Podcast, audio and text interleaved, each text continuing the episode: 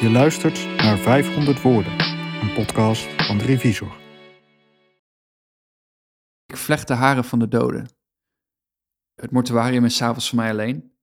Alle rouwenden hebben zichzelf dan al in sleepvoet en auto's naar huis gebracht en ik blijf achter en trek de lichamen zachtjes uit de koelingen. Heel soms, als ik na een lange dag thuis kom en een keukenlaadje open doe om een mes te pakken, voel ik hetzelfde. Weerstand die meewerkt, beter kan ik het niet omschrijven. Dan denk ik aan ze en hun gevlochten haren en daarna denk ik niet meer aan ze. Zoals er levenden zijn, zijn er doden. Ik bedoel, allemaal verschillende soorten.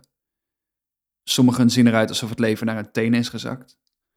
Andere juist alsof het leven aan de bovenkant uit is getrokken.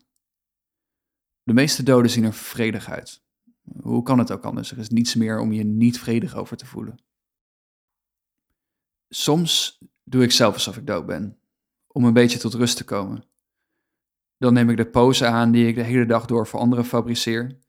Ik leg mijn handen naast mijn lichaam, doe mijn mond een klein beetje open en probeer me voor te stellen hoe dat moet zijn. Als je niet meer bestaat voor al die mensen voor wie je constant afvraagt wat ze van je denken. Hoe bevrijdend het moet zijn om gewoon op te geven, te verdwijnen, al het zware in één keer licht te maken. Maar je kunt niet de hele dag doen alsof je dood bent. Daar gaat op een gegeven moment over gepraat worden. Daarom sta ik altijd weer op. Ik kan ze allemaal. De Franse vlecht, het melkmeisje. De omgekeerde vlecht heb ik ook een keer geprobeerd, maar daar werd ik een beetje onpasselijk van. De manier waarop de vlechten omhoog liepen langs het achterhoofd. Het leek alsof het hoofd dichtgeritst was en nog enger, alsof ik het zo open kon ritsen als ik het wilde. Ik weet niet meer hoe het begonnen is.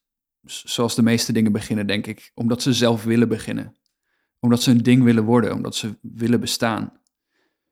Ik hoef ook niet te weten waarom. Er is vast wel ergens een psycholoog die me dat uit kan leggen. Of iemand die dezelfde boeken heeft gelezen als zo'n psycholoog. Iets met verloren onschuld waarschijnlijk. Een poging om de tijd terug te draaien. Dat wat overleden is kun je nooit meer levend maken. Maar dat betekent niet dat je wat overleden is niet meer mooi kunt maken. Iemand gaat het een keer opmerken, dat, dat kan bijna niet anders.